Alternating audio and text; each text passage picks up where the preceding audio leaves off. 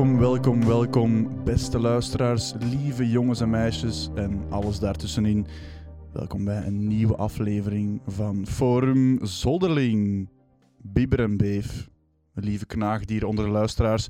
Vandaag in de studio hebben wij zitten de rattenvanger van Leuven, een echte labo-liefhebber, the whitest boy alive, Tonko's aka de Tony. Hey. Hey, Alles goed? Hey Tony. Zeker, zeker, met jullie. Goed, zeer goed. Zeer fijn. Ik voel me zeer gelukkig vandaag. Het is een heugelijke dag. Ik ben ook blij dat we u mogen ontvangen. Want Ja, dat is toch, eh, eindelijk. dat was al even in de making, Ja? maar het bleef uitgesteld worden. Dus ik ben blij dat dit de laatste aflevering van het seizoen wordt. Oei. Blij. Ja, nee, ik ben. Nee, nee. Niet, Met jouw ongelukkige uitdrukking altijd, Nee, eh, Wout ja. van Leden. niet blij dat het de laatste aflevering is, maar dat we dat mogen doen met. eh, Met de rattenvanger van Leuven. Hè. ja, inderdaad. Godzijdank Zeker is hier. Rattenvanger, Tony. Ehm, Rattenvanger, ja. Ja, ik heb in de wandelgang horen waaien dat jij wel eens eh, stout bent met knaagdieren. Hè? Met knaagdieren, ja. Misschien specifieker met muizen. Met Met- met muizen. Ja, met muizen. Ehm, want ik, ik, ik eh, bel door dat jullie aan het toelen zijn op eh, mijn thesis. Aha, ja, ja. Ja, Wel ja, degelijk. ja, toch wel degelijk. Ja, dus...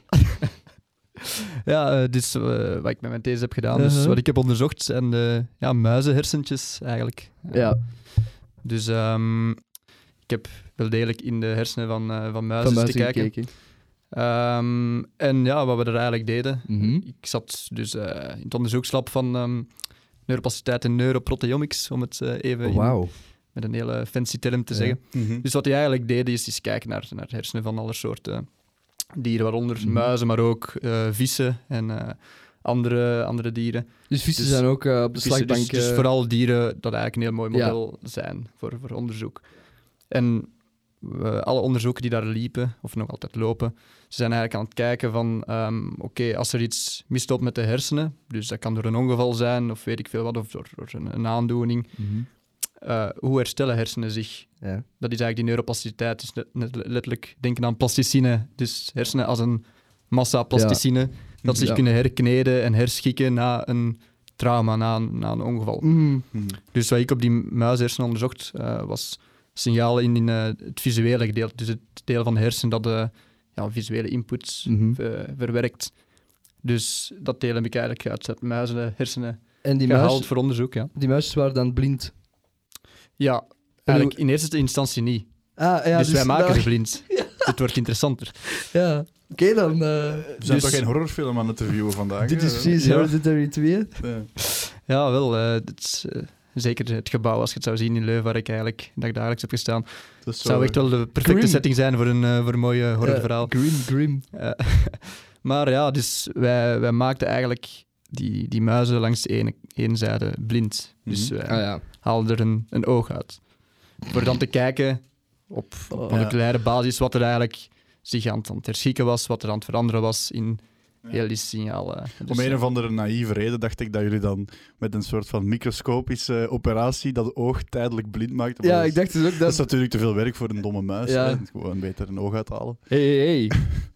Michel van Gaia, wat is zijn achternaam nou weer? De mens, die eruit eh, zijn eigen noem is... Ah, hij is nog niet dood. Die eruit zijn eigen noem is een bed, hè. Dat is... eh die mens komt te aan de deur kloppen, hè. Ja. Arme muisjes. Ja. Arme muisjes. Kijk, allemaal nuttig de onderzoek gebleken en er komen heel veel nuttige dingen uit. Dus eh, Ja, en dat was, dat, was iets met de cannabinoïden, zeker? ja, je- dat klopt. Dus dat eh, was dat een andere facet eigenlijk. Ja. Ehm, cannabinoïden, of, of meer bepaald endocannabinoïd systeem. Ganja. eigenlijk vernoemd naar inderdaad cannabis. Hè. Dus het is een systeem in de hersenen dat ook reageert op, op actieve stoffen dat Mhm. in cannabis zitten. Maar eigenlijk, die, die, eh, cannab- eh, dat cannabinoïd systeem, dat, dat werkt ook gewoon los van, van cannabis. Dat heeft geen cannabis nodig om geactiveerd of zo te worden. Het verleent gewoon zijn naam aan dat het reageert op Oké, cannabis. oké, oké. Maar- omdat, het, omdat het zo sterk reageert op cannabis, Ja. heeft het daar zijn naam van gekregen. Ja, ja. Ja. Dus het is inderdaad, eh, het staat er een beetje, het staat er niet los van, want het, eh, het deed wel in interactie als je cannabis zou gebruiken. Maar wij deden dus onderzoek op dat uh, endocannabinoïd systeem en hoe dat, dat mee een rol speelt in heel die herschikking van die signalen Ja. in het deeltje van de, eh, van de hersenen, van, hersenen van de muizen. Ja. Ehm, als er ja, een trauma werd opgelopen door, eh, weet ik veel, een oog kwijt, oog uitgekrapt bij die muis onderling. En heeft het dan iets te maken met... Allee, ik ken er dus echt niks van, zoals ik zo vaak zeg op deze podcast. Stop met lachen, Wout. Ik ben niet aan het lachen. Ik ben niet aan het Eh, lachen. eh, maar heeft het dan iets te maken met eh, genetica of zo? Goh ja, van het moment dat je eigenlijk op, op moleculaire schaal onderzoek aan het doen bent, eh, komt altijd terug op, op genetica. Mm. Dus eh, het was niet puur genetisch onderzoek, maar van het moment dat je naar eiwitten aan het kijken bent, ja, ben je altijd terug bij de basis. Hè. Ja, ja. En, de basis is op dat vlak DNA, zeker bij mensen. Ja. Eh, en bij muizen en andere ja, zoogdieren. Levende organismen. Ja, dus, dus En dat komt er altijd aan te pas, eh, Ja. hoe dan ook. En het DNA van muizen is, neem ik aan, vrij gelijkaardig aan dat van mensen, omdat dat ook Ja, ja. zoogdieren zijn. Ah, is dat? Ja. ja, het zijn zoogdieren. Alle zoogdieren liggen heel dicht bij elkaar genetisch. Wat nice.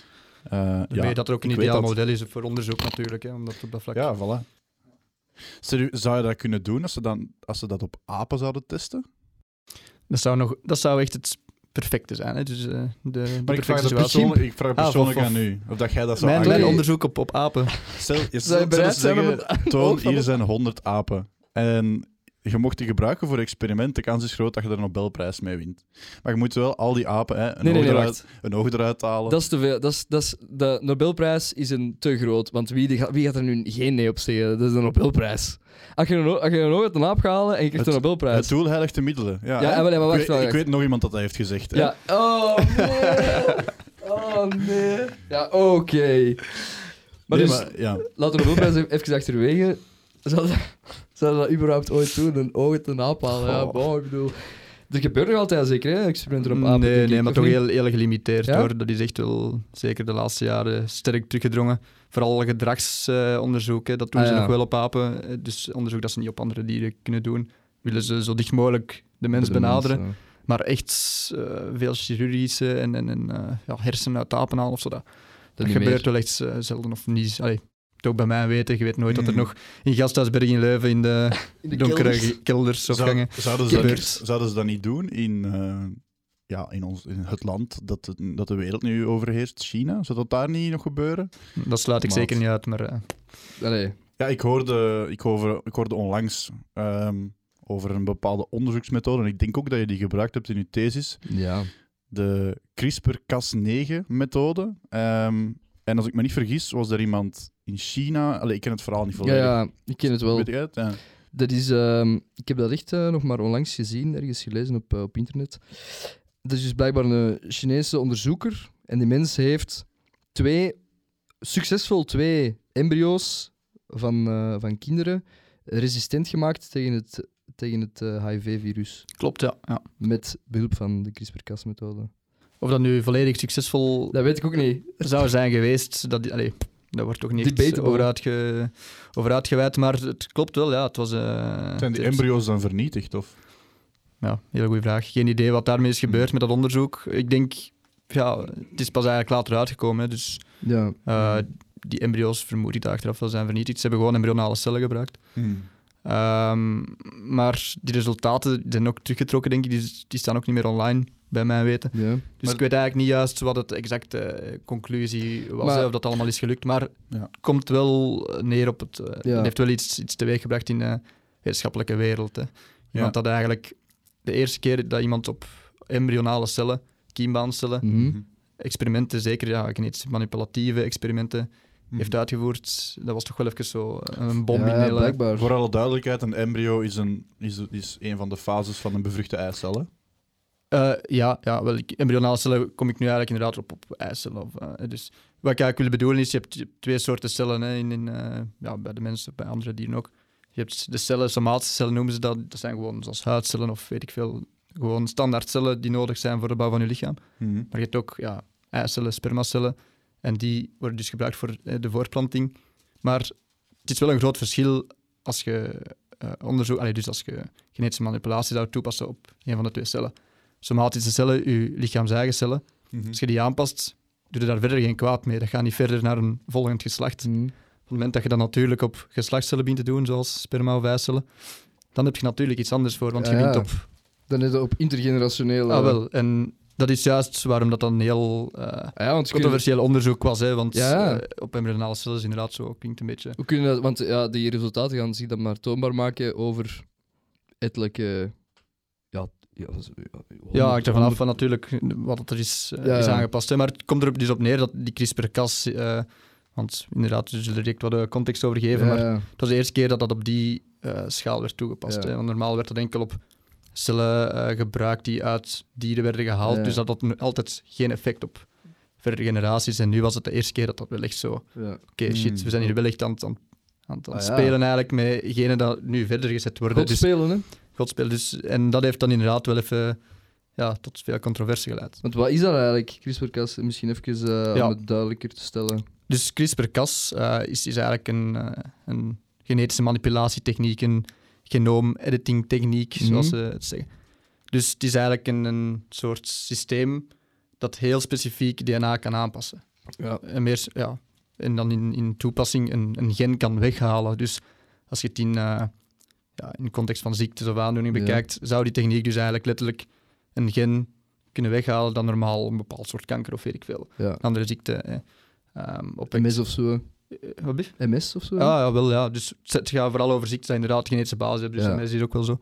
Maar zat, alleszins met die techniek zou je genen kunnen weghalen en ervoor zorgen dat die, dat die ziekte niet meer tot uiting komt. Ja, dus dat is echt gewoon... Het is een moleculaire schade, wordt het wel heel vaak ja, of genoemd. gelijk hè. gewoon... Dus- gelijk als je het te vergelijken trekt met een, met een computer, copy-paste. Ja. Dan knippen, Ja, copy-paste. klopt. Ja, dat, dat idee had ik ook wel. eh, zo Ja? Het heel kinderlijk idee van zo'n schaar. Maar ik had dan een beetje opzoekwerk gedaan. Misschien moet ik daar niet over uitweiden. Maar het heeft ook te maken met chemie en zo. Hè. Niet? Wordt er een bepaalde stof of zo ingebracht en dan pas kan dat gebeuren? Of ben ik dan verkeerd? Goh, ja, Allee, als we dat heel plastisch moeten bekijken. Stel dat er iemand bij mij de ziekte van Huntington wilt weghalen. Hoe gaat dat dan? Hoe gaan we dan in zijn werk? Of op voorhand willen Wel, weghalen? wat eigenlijk ook al gebeurt, maar dan niet met CRISPR-Cas, is met gentherapieën. Hè. Dus gewoon injecties waar het eigenlijk al heel het systeem wordt toegebracht, net zoals vaccins worden toegebracht, Mm. hè, waar daar ook eh, mRNA in zit. Dus, dus op die manier worden dan eiwitten of DNA ingebracht, Mhm. dat dan heel, die CRISPR-Cas, heel dat CRISPR-Cas-systeem kan opzetten, Ah, ja, ja, ja. specifiek eh, voor die ziekte. Maar het komt er dus op neer, en dat is wel misschien belangrijk voor even wat achtergrond te geven. Die CRISPR-Cas is, is geen systeem dat de mens zelf heeft eh, volledig van, van scratch, volledig van nul heeft opgebouwd. Hè. Dus het is een systeem dat is teruggevonden in bacteriën. Dus het bestond Ah, eigenlijk wel degelijk al. Dus eigenlijk is het eh, een afweermechanisme van bepaalde soorten bac- bacteriën. Ja. Zoals wij antilichamen gebruiken om ons te beschermen tegen virussen of bacteriën, Ja. wordt CRISPR-Cas gebruikt bij bepaalde bacteriën, zoals E. coli, dat is een specifieke darmbacterie. Dat eh, ken ik. Die gebruiken CRISPR-Cas om ook virussen weg te werken. Want Ja. ook bacteriën kunnen geïnfecteerd worden door virussen. Dat is wel dat is Ah, even oké. interessant voor mee te geven. Ah, dat is eh, inderdaad, dat wist ik niet. Dat ook, dus eigenlijk, elk, dat, want ervan uitgaande dat bacteriën, dat, is dan ook leven, dat zijn ook levende organismen. Dus elk levend organisme kan eigenlijk door eender welk virus. Nee, ja, nee. Iedereen natuurlijk, maar ja, zoals een mens ook. Ja, Ja, ja, ja. Dus, Maar maar, bacteriën. wel die- vatbaar voor Ja. virussen, Ja, ja. uiteraard. Oké, ja. Dus dat CRISPR-Cas-systeem is eigenlijk teruggevonden in bacteriën. Wat eigenlijk al wel straf is. Dat is zoiets ingenieus, Mhm. zo'n ingenieus systeem is teruggevonden in maar een Mhm. simpele bacterie, om Maar het zo te zeggen. Voordat je daar aan, aan kunt werken, moet je ook eerst een beeld hebben van hoe dat ehm, de genetische code van de mens in elkaar zit. Dat heet dan, wat- genoom is dat zeker? Dat? Genoom, ja, die term is er juist inderdaad al gevallen. Dus Ah, als je ja. spreekt over menselijk DNA, dus alles wat vervat ligt in ons DNA, spreekt je over het menselijk genoom. Ja. Ja. En hebben ze kunnen uitvogelen hoe dat uh, ineens zit. en dat is eigenlijk, ja, Dat is pas sinds man. 2012 dat dat onderzoek is gepubliceerd, dat CRISPR-Cas is gebruikt voor het menselijk Ja. genoom te bewerken.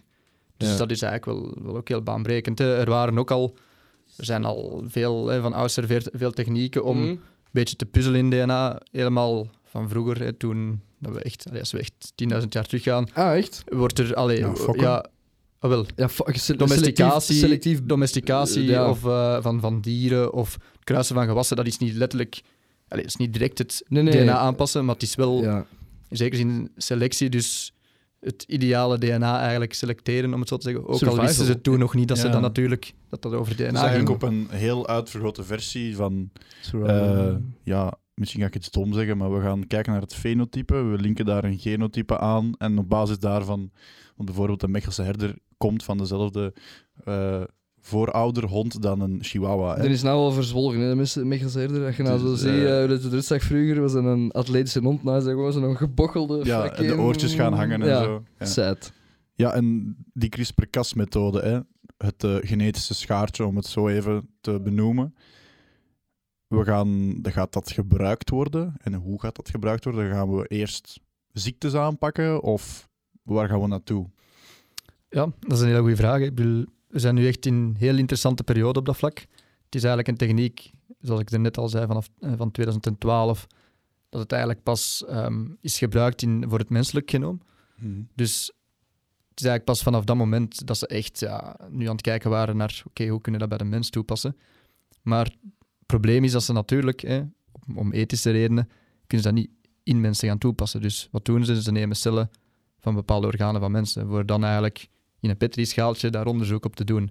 Mhm. En zo hebben ze eigenlijk de laatste jaren al heel veel kunnen onderzoeken. Zeker eh, ziektes die dat een genetische basis hebben, hè, waar dat ze van weten van oké, als je die versie van dat gen hebt, Mhm. heb je veel kans om Mhm. die ziekte te ontwikkelen. Dus dat onderzoek, ja, dat is eigenlijk jaar op jaar dat er, dat, dat toeneemt. Hè. Ehm, dus er zijn enorm veel toepassingen in. Maar de reden waarom dat ook nog niet vooruit gaat, is... allee, technisch staat het al ver, maar ook nog niet volledig op punt. Maar er zijn heel veel ethische bezwaren, wat je je ook wel kunt voorstellen natuurlijk. Ook hè. bij de, bij de zogezegde, ik zal het dan maar voorkomend, het, het, de toepassing als in een voorkomend iets, dus het vermijden van, van ziek, ziek worden en zo, ook daarbij. Ja, dat is een beetje het probleem. Eigenlijk is daar inderdaad te weinig tegenstand. Allee, Mhm. kan iedereen inbeelden van, we willen dat zo snel mogelijk de wereld uit. Ja, Maar dat is natuurlijk wel het begin, want je begint eigenlijk met, met, met ziektes van, oké, ja. die willen we uitdrijven, maar dat schuift altijd maar wat op. Hè. Want Ah, ja. het begint met ongeneeslijke Zoals ziektes, maar dan gaat het misschien naar wat chronische aandoeningen. Ja. Van een chronische aandoening krijg je misschien, ja, welke kleur ogen, en dan zijn ze vertrokken. En dan is het ook, Dus- het is natuurlijk niet zo simpel om dat gewoon direct te implementeren. En dat is eigenlijk ook, wel, zeker Europa sinds 2018, heel dat gedoe met die Chinese wetenschapper dat het op embryo's heeft eh, getest. Even een blok heeft erop gezet. Zo Mhm. van, oké, CRISPR komt nu onder strenge wetgeving Ja. en dat moet echt stap voor stap bekeken worden. We willen dat hier niet laten escaleren, Ja, want nee. dan kunnen we het moeilijk nog terughalen. Maat, maar dat is echt gewoon weer al zo daunting, hè? Dat is, dat is, dat is weer al zo... Allee, alles vergroot uit, hè? Het internet is ook zo... Maar misschien is dat een loze vergelijking, of maakt hem wel een beetje... Of klopt hem wel een beetje, maar dat is ook uit de hand gelopen, wijze van spreken, hè? Dat is zoiets anders natuurlijk, omdat deze gaat over mensenlevens. Allee, nu, het internet ook, als we eerlijk zijn. Dus die technologie, ja, bon, kun je dat, kun je dat tegenhouden? Ah, wel, Dat is... Persoonlijk vind ik dat een beetje naïef natuurlijk, hè, want Europa, oké, ze zeggen eh, blok erop. Ja. Ehm, allee, ze laten onderzoek toe, maar het is allemaal heel gelimiteerd. Ja. En heel veel. Maar ja, ondertussen in andere landen, denk maar aan China, maar ook de VS, is het wel meer eh, Ja. toegestaan. Die gaan er wel verder in, dus het is niet dat het niet gebeurt of zo. Dus je kunt dan denken van, oké, moet Europa dan misschien ook niet herzien van in, Ja, ja, ja, in hoeverre laten we dat toe. Ja. Het doet mij een beetje denken aan de, aan de uitvinding van de atoombom. Dat werd toen ook zo... Er werd toen over gezegd van we gaan dat gewoon achter de hand houden. We gaan dit massavernietigingswapen nooit gebruiken. Maar de wetenschap of de geschiedenis eerder eh, leert ons dat als iets bestaat, dat het zal Oh, gebruikt ja. worden. En kunnen wij dan als Europa, zeer streng gereguleerd Europa, hè, Ja. kunnen wij dan nog achterblijven? Want die strenge regels van Europa hebben ervoor gezorgd dat wij in een redelijke welvaart eh, leven. Hè? Als, dit is niet Amerika of, de, of China. Eh, China is ja, natuurlijk een dictatuur. In Amerika, als je in het verkeerde gezin geboren bent, ja, dan, eh, dan, ja, dan is het ja, spijtig. Ehm, maar hoe zie je dat evolueren? Gaat die druk zo groot worden of niet? Ik denk dat we er wel niet naast kunnen. Hè. En zeker als je kijkt welke problemen dat er nog voor de rest zijn. Hè. Ik denk maar aan klimaatopwarming of, of, Mhm. of eh, opwarming van de aarde. Dus eh, organismen gaan zich moeten aanpassen en dat gaat ook gebeuren. Hè. Maar je wilt natuurlijk dat op zo'n manier zonder dat er massa-extinctie of Ja. weet ik veel welke doemscenario's. Dus eh, denk maar aan toepassing in landbouw. dus je wilt gewassen duurzamer maken. Ja. Dus dat ze meer voeding kunnen opleveren of, of gezondere voeding of noem maar op. Mhm. En ik denk dat we er dan niet naast kunnen dat we zo'n techniek aan moeten gebruiken. En dat daar meer onderzoek op moet gebeuren. Hè? Ja. Want wil het veiliger, moet er natuurlijk meer onderzoek op gebeuren. Dus dat is natuurlijk zo wat een beetje paradoxaal van het onderzoek tegen te houden. Maar eigenlijk heb je meer onderzoek nodig om het een beetje... Ja. Ja.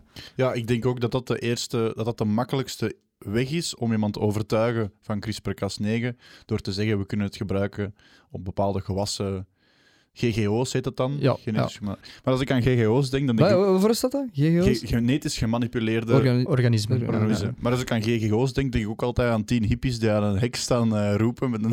En dat is ook een beetje een probleem, want nu gaan we Maar inderdaad dat, over... heb, dat heb ik nooit begrepen. Dat, kun, GGO's, dat kun jij mij uitleggen waarschijnlijk. Maar waarom... Ik heb nooit er met mijn verstand bij kunnen waarom dat iemand daar iets op zou tegen hebben. Maar misschien ben ik gewoon...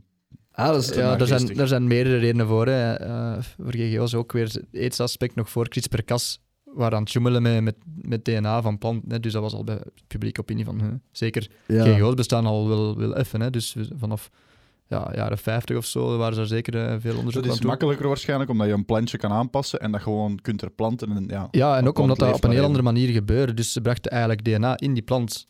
Mhm. En dat is wel even belangrijk voor, voor dat op te, allee, even Mhm. uit te leggen. Bij, bij CRISPR-Cas, er wordt geen DNA in, eh, in de persoon of, of in het dier Mhm. gebracht. Hè. Dus het is eigenlijk gewoon een manier om DNA aan te passen, dat er al is. Ja. Wat ze deden bij veel eh, GGO's, en nog altijd doen bij sommige GGO's, is een stukje DNA inbrengen.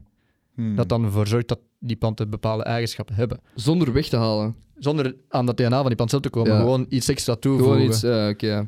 Dus ehm, ja, dan krijg je natuurlijk planten dat je, op, allee, dat je ook niet altijd goed weet wat de gevolgen ervan zijn. Want je brengt een DNA-stukje in, maar ja, op lange termijn heb je daar niet altijd een idee van, oké, wat leeft dan niet Mm. op. Dus Dat die kan, GGO's, ja. dat was, is altijd nog altijd een heel ja, gepolariseerde... Maar dat is altijd, hè. En je zegt van, waarom... En Ja, mensen iets op tegen. Dat is Ik ben gewoon... er eerlijk in. eh. Waarom, dat, waarom, dat, eh, waarom hebben mensen te- iets tegen op van die vreemde dingen? Ja, dat- Maar, maar je doet daar zo vanzelfsprekend over, maar maar eh, ik ben, nee, nee, ik ben, dat, ik ben dat gewoon aan het linken aan andere dingen dat vreemd zijn. Dat andere mensen vreemd vinden. kan dat dan zijn bijvoorbeeld dat als ze een stukje DNA in een, in een gewas steken, dat dat gewas dan ineens bepaalde ziektes begint te verspreiden of misschien andere gewassen Ah, nee, begint te verdrijven of zo? Zo ben ik zelfs niet aan het denken. Nee, maar het is inderdaad wel... eh, ze hebben bij Ik bepaalde. GGO's... ehm, fatalist. nu moet ik even denken. Ik denk dat bij een speciaal eh katoen GGO was. Dus Mhm.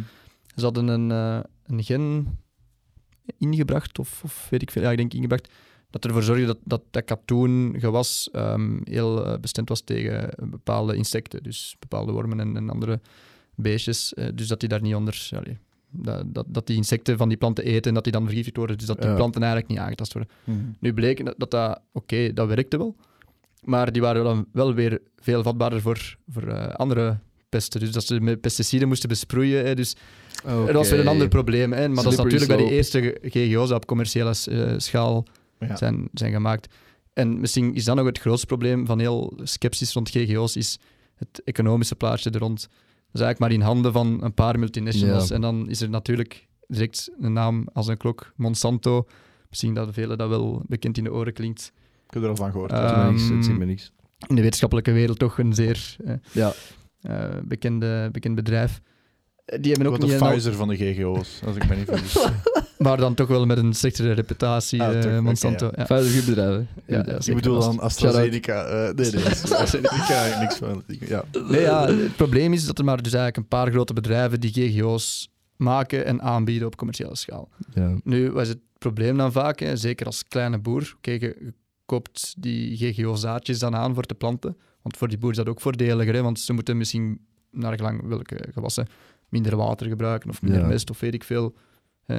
Ehm, maar natuurlijk, dat komt van één bedrijf. Dus als er iets moet gebeuren met die planten, wat moeten ze aankopen voor onderhoud, is ook van die bedrijven natuurlijk. Dus je bent volledig afhankelijk van één grote Ja. speler dat alles in handen heeft. En dan En- kom je ja. bij het volgende, bij patentrecht. Dat is ook zo'n heel groot ding daar rond Oh, GGO's ja. en CRISPR-Cas hangt. Waardoor dat er ook een enorme grote sceptisch rond op is. een bepaalde aanpassing. Van het moment dat ze een bepaald gewas hebben aangepast en dat werkt, Hmm. zeggen die bedrijven van oké, dat is nu van ons, niemand anders mag dat zo doen of veel voor betalen. Hè. En dat is natuurlijk waar dat, waar dat logisch, allee, dat is logisch eigenlijk dat er veel tegenstanders voor zijn. Hè. Eh, want je, je legt patenten op, op ja, natuurlijke grondstoffen, hè. dus, Patenten dus op een natuurlijke organismen. En Hmm. ik denk dat dat misschien nog wel het grootste aspect is waarom dat er zo'n tegenkanting rond GGO's en trekken dan maar CRISPR-Cas bij, ook al is dat niet hetzelfde, maar Mhm.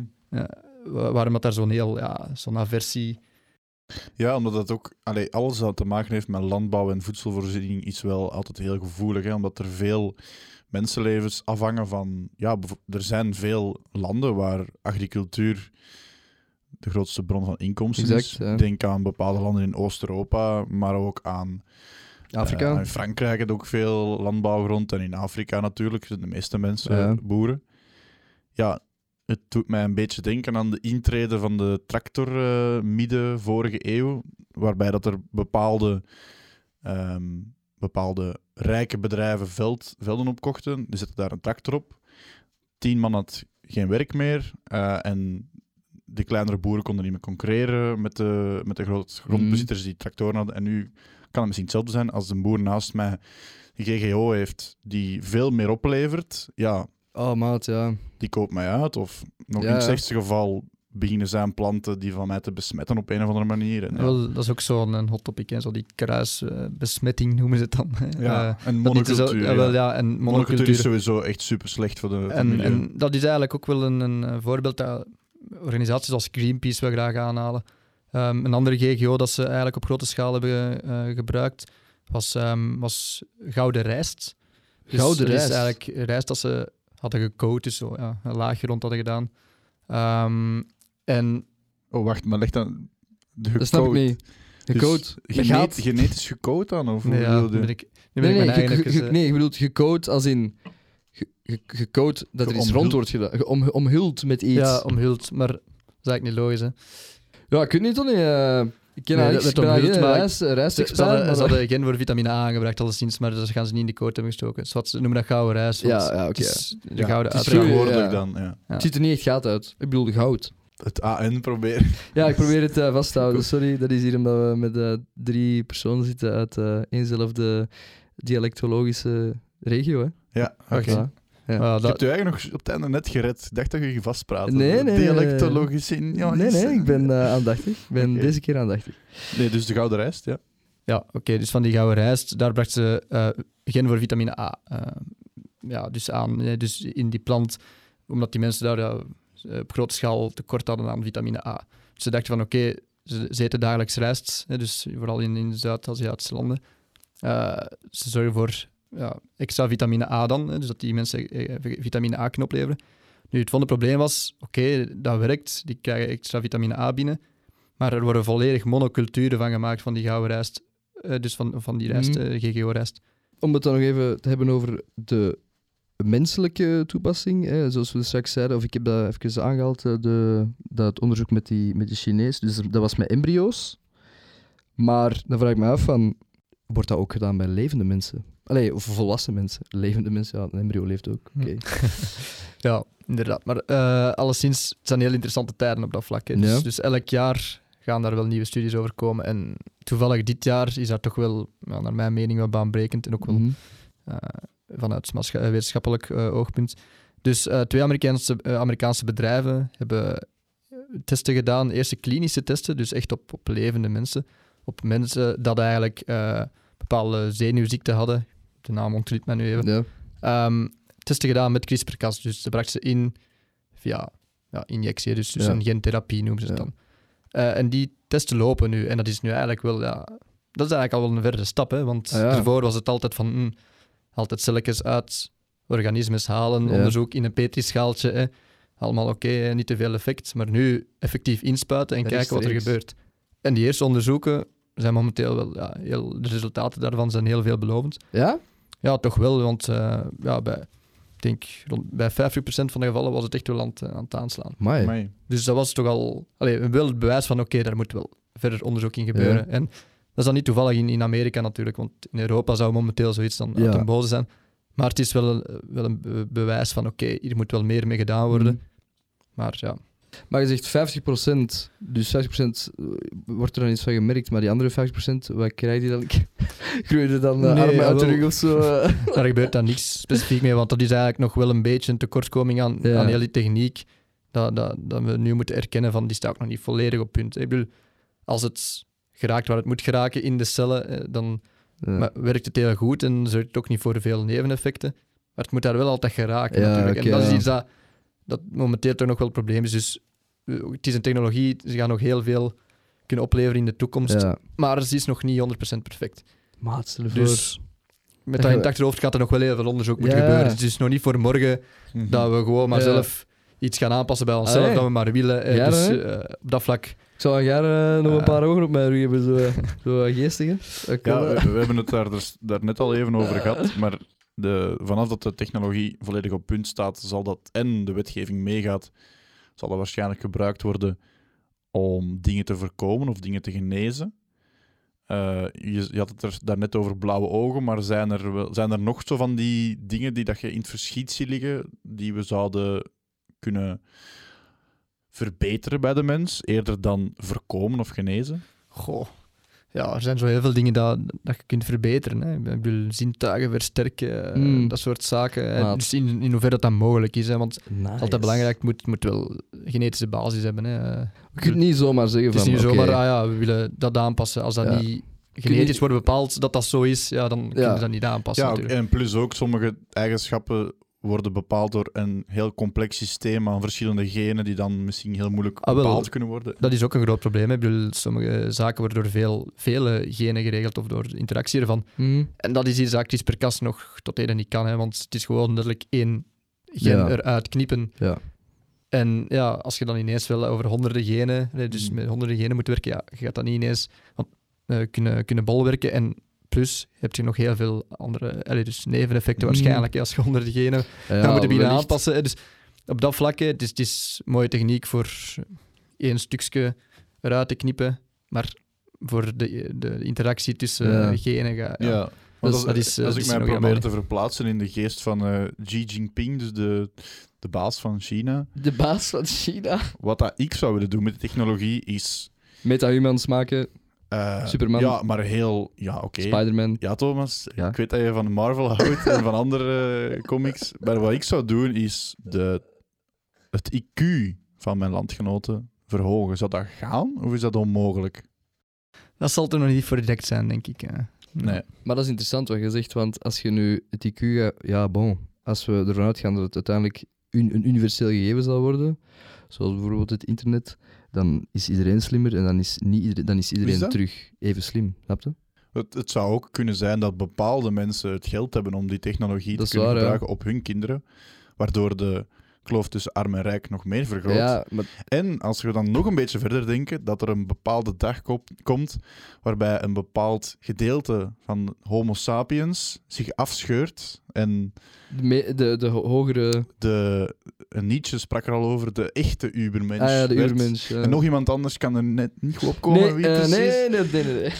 Maar is dat iets... Geen idee. Ben ik nu te Nee, veel nee, zo... nee. eh, Nee, ja, dat is altijd... eh, dat is natuurlijk zo wat extrapoleren, het met een, Mhm. een Dramatisch. hele chique term te zeggen. Ja, met wat we nu weten li- lijken dat inderdaad plausibele scenario's, hè, maar... Goh, ja. Maar ook, maar stel, stel, en dat is heel, heel, Ja. heel baseline. Stel dat je bij je kinderen heel makkelijke ziektes kunt weghalen. Bijvoorbeeld aanleg voor, nee, dat is nog niet makkelijk, aanleg voor bepaalde kankers die wel makkelijk te lokaliseren zijn. Of aan, eh, aanleg voor, whatever, verkoudheden. Bijvoorbeeld teelbalkanker of zo. Ja, voilà, of andere dingen. Dan kan je het leven van een persoon al veel makkelijker maken. Wat het leven van iemand die eh, het minder goed heeft zo moeilijk maakt, is vaak dat hij niet de juiste medicijnen heeft om bepaalde ziektes eh, te voorkomen of te genezen. Ik denk dat dat al een begin kan zijn daarvan. Van echt ubergezonde mensen. ja, maar dat is zeker een begin, hè, maar zoals ik er straks ook al zei, dat is natuurlijk... Dan kan dat rap omslaan, zoiets. Hè, want het begint met een aanleg voor iets hè, en iedereen kan dat snappen. Hè, dus publiek opinie gaat wel denken, oké, ja, als we dat uit de wereld kunnen helpen, waarom niet? Hè? Maar dat begint met een aanleg voor een verkoudheid, bij Ja. spreken. En Waar dan gaat het dat? naar iets anders van, goh, ja, een beetje stelling. spierpijn of sterkere spieren. Dus voor maar iets te noemen, dat kan heel rap ja, verschuiven. En, en Bijvoorbeeld. dat is wel, Ja. wel gevaarlijk. At- atleet, atleten nemen steroïden om sneller te, te recupereren. Stel dat je je zoon, hè, je bent rijk en je wilt dat je zoon een, eh, een topatleet wordt. Stel je, dat je met CRISPR-Cas kan zorgen dat zijn spieren sneller regeneren. Is, dat, is daar... Ik, zeg, ik stel bij u de vraag dan, waar ligt voor u persoonlijk, waar zou jij de grens trekken? Eh, en het voorbeeld dat ik gebruik, vind je dat oké of niet? Ja, ik denk dat ik zoals zoveel de grens zou trekken als het levensbedreigend is of als het, allee, het comfort, het levenscomfort wel, wel kan verbeteren. Maar natuurlijk, als je dan naar recreatie gaat, dus recreatief gebruik of, of Mhm. in, dus in sport, Mhm. ja, dan gaat het toch wel een grens over. En van het moment dat je daar begint, kan je Ja. er ook niet meer in terug gaan, vrees ik. hè. Dan Dan zijn we vertrokken wel. zijn we vertrokken, is een trein vertrokken en voor dan alles terug, ja, Dat is moeilijk, ja. Als je over sport spreekt, dan ontvries je ook gewoon een heel economisch systeem. Hè. Als je begint met mensen dat veel sterker zijn dan andere mensen. Allee, Maar ja, dat, dat is dus het probleem. hè. Hoe, hoe implementeren die technologie dan hè, in de maatschappij natuurlijk? Ja. Hè? Want Ja, of, Waar stopt het, maat? of, eh, Hey. ik probeer mij terug in, eh, in de geest van Xi Jinping te verplaatsen. Stel, stel dat je arbeiders, dat je arbeiders kan, eh, of kinderen kan laten opgroeien die veel sneller recupereren en die Mm. bijvoorbeeld veel minder slaap nodig hebben, ja, dan kan je economisch een enorme boost krijgen, omdat uw werknemers in plaats van acht uur eerder tien uur kunnen werken. Hè? Omdat ze gewoon niet moe worden, of, of twaalf uur. Maar of- je bent over kinderen bezig. Je bent dus ook bezig over Ja, ze, sweatshops en beginnen, zo. ze beginnen met kinderen en dan... Hè, Kunnen ze ineens in de, sweatshops gaan werken? dan, de kinderen groeien dan op tot arbeiders. Dus dat, dat wil ik alleen. ja, ja. Maar- Een arbeiderbreed. Ja, Een breed speciaal voor arbeiders. Speciaal gespecialiseerd voor truien van Nike in één te naaien en zo. Ja, dat kan hè. Misschien zo met zeven, 17 vingers of zo. Zo snel. Dat is echt mijn. eh, ik denk er echt al in mijn leven over na, over die meta-humans. Ik heb eh, over het laatst nog een stopical in de wat Spider. bedoel je daarmee met meta-humans? Ja, voor de mensen die dan niet thuis zijn in die terminologie, meta-humans, supermensen. Eigenlijk, basically. Dus mensen die dat het... Personen die dat de eh, menselijke fysieke capaciteit overstijgen. Super, super strength, eh, speed, whatever. Mhm. Superman eigenlijk. Maar ja, natuurlijk, en dat zijn we nu al de hele tijd aan het doen, je, je maakt scenario's in de toekomst op basis van wat je nu weet natuurlijk. Hè. Dus Maar dat zijn... niet gezegd dat er, eh, om het nu Nee, nee. genetische eh, eh, context te hebben, dat er iets anders komt hè, dan, dan CRISPR-Cas. Ja, ja. Je weet dat niet. Hè. Dus, ja. allee, niet dat ik direct iets anders zie aankomen, maar ik wil maar bedoelen, zoals je er straks ook over de atoombom sprak en zo. Mhm. Een gegeven moment, de Koude Oorlog, iedereen dacht van, oké, ja, je kunt elkaar kapot maken. Maar ineens komt er zoiets als, als het internet of zo. ja.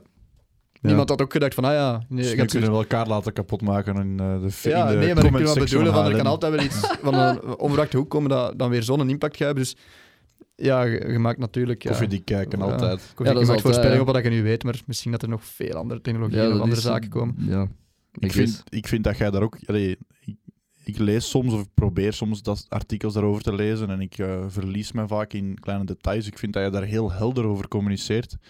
Ehm, een kleine segue naar de coronacrisis en eh, onze virologen. Hè? Ik weet dat jij in je studies een eh, vak hebt gevolgd over wetenschapscommunicatie. Klopt. En ik vroeg mij af of dat je bepaalde opinies hebt over hoe dat onze virologen het hebben aangepakt. Nou, kom het, hè. Ehm, Top drie of zo? Top drie van virologen. Ja, nee, ja, dat is zoals met de woorden van Mark van Ransten, voorschrijdend inzicht. Dat is Ah, zo'n ja. term dat eh, Oké. altijd is gevallen. Ja, dat is, dat is ook gewoon gemakkelijk voor te zeggen dat, dat, Mhm. dat, ze het, allee, dat ze het niet goed zouden gedaan hebben of niet. Ik denk dat het altijd moeilijk is. Zelf persoonlijk als wetenschapper zou ik, zeker in het begin van zo'n crisis, als je de impact niet weet, voorzichtiger communiceren. Maar langs de andere kant is er ook niet wat mensen nodig hebben. Ze willen natuurlijk wel iets concreet. Ja. Dus mensen, in dat geval wetenschaps, eh, wetenschappers, gaan zich moeten laten verleiden om wel uitspraken te doen. Hè, van hoe lang duurt dat en wat kan er Ja. eh, nog volgen. Dus goh, ja, ik denk dat hij eigenlijk zelf, zeker dan zo'n type Steven van Gucht, daar ook niet graag wil Nee, dat- dat in, moet- eh, gepusht worden, maar dat nu wel moest doen. Dat moet zo moeilijk zijn, maat. Ehm, maar ja, dat is, dat is, ik, zou het zelf absoluut niet beter kunnen doen. niet willen doen, misschien. en ook niet willen doen. dikke chapeau, maar het is Je, toch... je zegt net dat, dat mensen zekerheid willen. Kan ik daar ook uit opmaken dat eh, het wetenschappelijk denken, dat dat aan het weggaan in onze maatschappij? Of ben ik daar iets te doemdenkerig in? en wat Oei, bedoel je exact met wetenschappelijk denken dan? Wat ik daarmee bedoel is als Steven van Gucht of Mark van Rans een uitspraak doet over de aard van de ziekte of over een variant van corona, ehm, dat veel mensen niet goed kunnen begrijpen dat wetenschap werkt met, ja, met bepaalde assumpties en we bouwen daarop voort. Als het tegendeel wordt bewezen aan ons, dan passen we het aan. Ja, ik kan u daar wel in volgen, ja. Dat gevoel heb ik ook soms wel, Ja, dat mensen daar niet echt in, in kunnen meedenken hoe dat ja, wetenschappelijk werkt. Hè. Dat is ook niet altijd ja. de waarheid impact hebben en ook moeten zien hè, wat, het er, eh, wat er volgt en welke data er Mhm. binnenkomen. Ja, zo'n beetje allee, rationeel denken vind ik dat, hem, dat verdwijnt. En ik denk dat... Ik heb altijd... Maar het is, ja, Ja, wel, het internet, hè, om het dat ik juist zeggen. Ja, wel, maar ik bedoel, wij zijn nog te jong daarvoor. Maar toen onze ouders eh, jong waren en het internet begon op te komen, denk ik dat het sentiment was van, kijk, we gaan nu in staat zijn om informatie zo snel te delen, Hm. ja, dat we ook naar het ubermensch niveau kunnen gaan. Ja. Dat, we, dat alle menselijke ja, bijgeloven zullen wegvallen. En nu zien we dat het internet ervoor zorgt dat iedereen zijn eigen plaats vindt. Hè. Confirma- confirmation bias, dus dat wil zeggen dat je op zoek gaat naar de informatie die het best met je intuïtie strookt. Mhm. Ehm, en ik denk dat dat heel dicht bij elkaar ligt. Dat we zo'n soort van, ja, een eh, anti-intellectuele eh, anti-intellectuele stroming hebben. Dat wordt heel vaak Ja. gebruikt, dat woord. Wat voor ons rationeel is, is voor, is voor andere mensen misschien totaal van de pot gelukt. Hè? Nog zoiets. Ja, en kun- hoe kunnen we dat tegengaan? Ik bedoel, Het- gaat dat ja, zelfs? bon, het, het zit zo ver, gelijk dat je zegt, het internet. Kun, dat, allee, dat is de, misschien zelfs de grootste bron van die, van die discrepantie dan of zo, tussen eh, rationaliteit en niet-rationaliteit. Allee, dat, dat, dat kun je toch niet, dat kun je niet meer tegenhouden. Ja, je er, is, er je zijn zoveel platformen waar dat iedereen... Dat is waar. Maar je kan wel de grootste platformen al, al een beetje aan banden leggen, zoals Facebook. Loopt nu wel de spuigaat aan Ja, bon, ik bedoel... De je- misinformatie die die verspreiden, is wel echt een beetje ranzig. Hè, Wordt het, wordt dat, wordt, ik heb niet de indruk, als ik daarop zit, dat misinf- het tegenhouden van misinformatie, dat dat zo, dat dat zo goed gebeurt of zo. Nee, net niet. Daarom Allee, dat Mark Zuckerberg moest verschijnen Lizard. in Amerika voor fucking de, lizard. het, de Senaat of wat Lizard man. Nee, maar dus blij, allee, even een, een, een bruggetje, maar het bleek dus echt uit onderzoek dat Facebook stelselmatig eh, mensen promoten om eh, onzin te spuien of antisemitisme, Ja. zodat, hè, wat gebeurt er dan? Dan komen mensen naar hun site om, om te klikken en om te kijken. Hè. Clickbait, reclame. Dat is echt die... Je ziet het zelf, hè. Ik heb het onlangs allemaal verwijderd van mijn pagina. Dat is gewoon ziekelijk, hè. Hoeveel reclame dat erop komt. Je ziet gewoon niks anders niet meer. Over Kilroy, we gaan helpen in het buitenland bij de... Allee, whatever. Nee, ik moet niet hebben. Fanta. Ik drink geen fucking Fanta. Of nee, nog beter.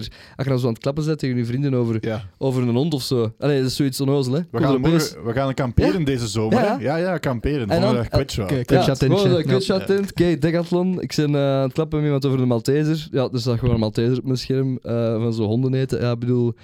Dit is, Ja. is Ik heb iets- maat. Ik heb iets heel, eh, heel vies meegemaakt. Een goede vriend van mij eh, heeft, een, heeft een oogje op iemand. Oei, eh, oei, maar oei. zij is zich daar niet bewust van. We waren er even, ik was met hem erover aan het Ja? praten. Een uur of zo, maar gewoon over aan het zeven. We kennen hem, voor duidelijkheid. Ik Ja. ken Tony. Ondertussen, ik, zal, ik zal straks, ik zal straks zeggen, ik zal Straks straks undisclosed, achter de schermen. Wie dat ik bedoel.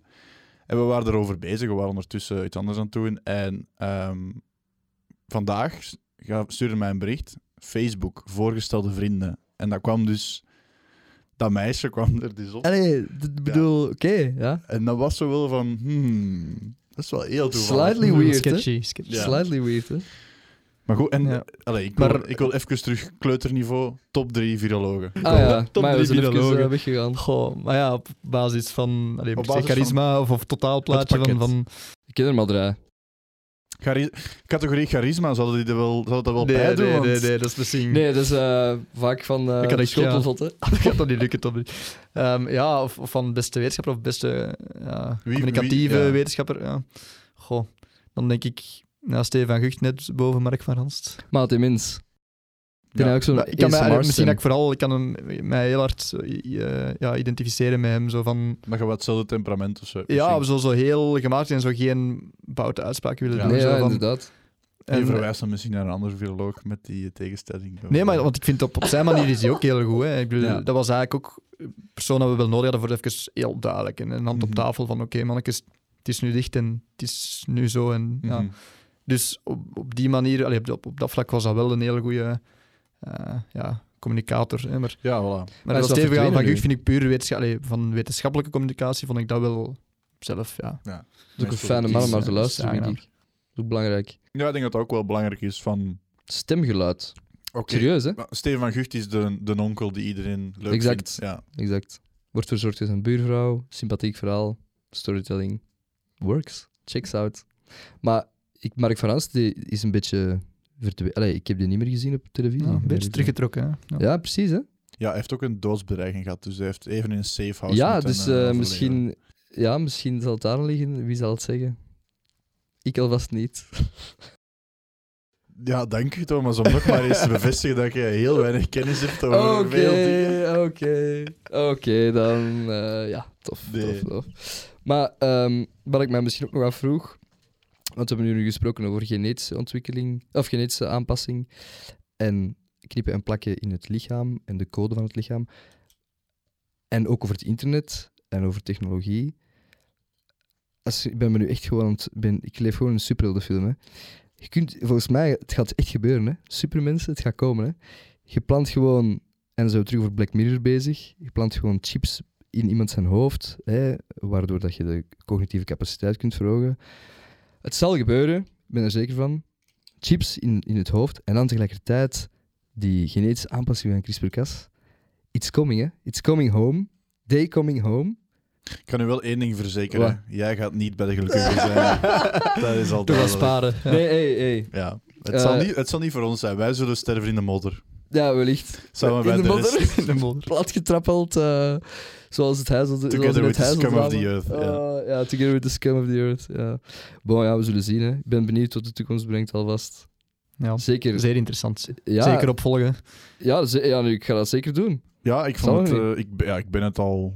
Daarom dat we je hebben uitgenodigd, omdat we wisten dat je toch Ja, ik een bedoel, zekere achtergrond inderdaad. had, eh. We hebben er al... Ik heb, het, ik heb het er nu al eens over gehad en hij zeker ook. Dus, ja, gewoon. Het moest gebeuren, hè, Tony. Moest gebeuren. Voor we u eh, laten gaan, denk je dat je ooit nog in je carrière eh, in contact gaat komen met e-technologie, of niet? Ja, ongetwijfeld. Hè. Ik ben nu, allee, wat ik momenteel doe als job is toch is een beetje weg van dat onderzoek. eh, maar hoe langer hoe meer. En dan zeker ja, eh, ge- geneesmiddelensector, dus eh Mhm. pharma. Ja, hoe, langer, ja, hoe langer hoe meer gaat dat ook wel een, een technologie worden dat, dat nuttiger gaat worden om, om zaken te maken en veiliger. Zeker als er meer onderzoek naar gebeurt. Dus ik denk dat je er niet, niet naast kunt. Dat, dat, allee, dat gaat alleen maar toenemen en- in Mm. belang. En ik denk dat ik daar zeker in mijn carrière nog wel mee te maken ga krijgen. Ja, als de wetgeving dan... eh, Ja, Misschien is dat die een beetje soepeler wordt. Ja. Of, ja. Oké, dankjewel Toon. Ik vond het een heel aangenaam gesprek. Ik heb heel veel bijgeleerd. Hetzelfde. Van mij Thomas, hetzelfde. van u heb ik natuurlijk niet veel bijgeleerd. Desalniettemin vond ik u een aangenaam eh, gezelschap. Ja, ik ook. Dankjewel voor deze lieve opmerking. Ik hou zoveel van jou, jongen. Oh. Eh, ja, en ik ga jullie straks nog zeggen over wie ik het had daar straks. Ja, en nog, Razend benieuwd. nog even een boodschap voor onze luisteraars. Iedereen, of wij, wensen vanuit Zolderling iedereen, en Tony, ik denk dat ik ook voor u spreek, een Zeker prachtig vast. 2022. Hè? Ja, ehm, ja. al Ja. Wensen. Let op je gezondheid. Alle goede Let voornemens. Let op je gezondheid. Stop met roken. Minder roken, ja. Ja, Oké. iedereen die goede voornemens heeft, zal die niet behalen. Maar eh desalniettemin wens ik u... Maar toch veel succes. Ja, Toch veel probeer succes. gewoon, hè, zoals iedereen. U is extra Vlaams deze dagen. Ehm, en dan nog even een eh, praktische mededeling. Dit is dus de laatste aflevering van seizoen 1 Ja. van Zolderling. Het was een zeer leuke ervaring. het was een waar genoegen. En we komen zeker terug. Ja, ja. We'll be back. We weten nog niet ongeveer wanneer, maar ik vermoed dat we de eerste aflevering terug gaan posten ongeveer midden februari. Ja. Ehm, Er zijn enkele verrassingjes En er tussen. komen een paar kleppers aan. Ja. Dat, dat kunnen we wel zeggen. Speciale... Speciale speciale gasten, speciale concepten ook. Ehm, het Forum CC-ding blijft bestaan. Ehm, maar ik ga me iets meer bezighouden met Forum. En Thomas gaat zich concentreren op CC. En CC zal eerder gaan over cultureel in het algemeen. En niet over een bepaalde film of iets anders. We gaan het ook hebben over wat er leeft in de culturele Ja. wereld. Tegenwoordig is dat heel weinig. Maar. eh. Sorry, dat is echt heel gemeen. Dat is echt Ehm, erg. Mijn ik job. Ben, ik ben, allee, ja, ik bedoel, ik vind het heel erg. Ja, ik ook. wereld. Sad. Cry. Ik kan niet laten om ermee te lachen. Oké, Vanzelfsprekend. Goed, dan gaan wij jullie laten en dan rest, rest er ons nog één ding. Gaan Eh, wij jullie laten? Ja, de, ik Ah, de tegen luisteraars. luisteraars, Ja, natuurlijk. Oké. En dan rest er nog, ons nog één ding. hè. Eh, Ja. Dag. Dag. Merry Crisis. Merry Christmas. Merry Chrysler. Love you all.